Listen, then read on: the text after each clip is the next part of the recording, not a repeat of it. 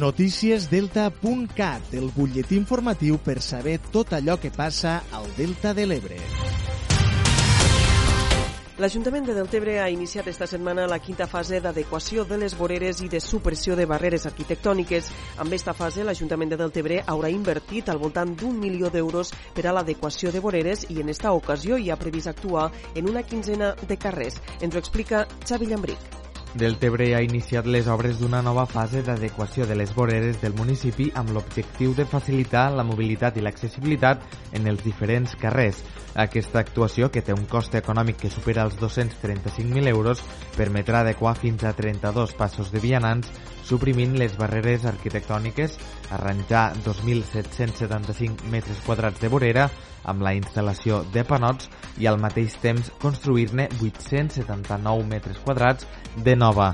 Aquestes xifres se sumen a les de la resta de fases. Per això, davant d'un municipi, d'un casc urbà, on hi ha uns dèficits eh, estructurals importants a nivell de pavimentació, a nivell d'accessibilitat, a nivell de voreres, des de l'Ajuntament de Deltebre el que hem volgut fer és eh, treballar en aquesta línia de reconstruir o de construir noves voreres que ens permetin pues, aquesta accessibilitat més amable. D'aquesta manera, amb la cinquena fase i sense comptar els arranjaments inclosos en el marc d'altres projectes, l'Ajuntament de Deltebre haurà invertit al voltant d'un milió d'euros per a l'adequació de voreres. Amb la globalitat dels projectes, la inversió en adequació de voreres supera el milió i mig d'euros.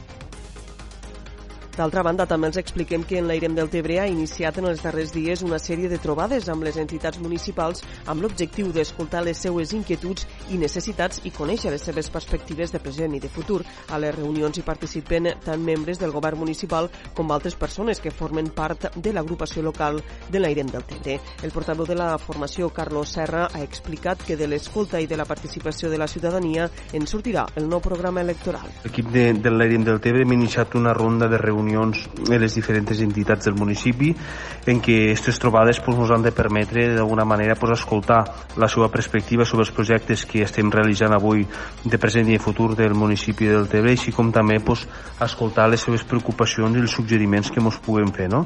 I com a agrupació local pues, per a nosaltres pues, sempre ha estat molt important la participació ciutadana, no? és a dir, estar al costat de la gent, per això aquestes reunions ens serviran per escoltar la ciutadania i així poder fer pues, un programa de noves idees i de propostes propostes doncs, per continuar avançant i projectant del Tebre sempre al costat de tots els veïns i veïnes.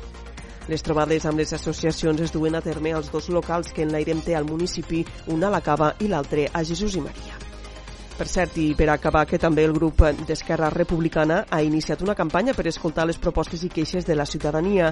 La campanya porta per lema Esquerra escolta i en este cas els republicans van situar dissabte una parada al davant del Mercat de Jesús i Maria per recollir les propostes de la ciutadania. Això és tot per ara. Ja saben, com sempre, que poden continuar informats a través del portal deltacat.cat.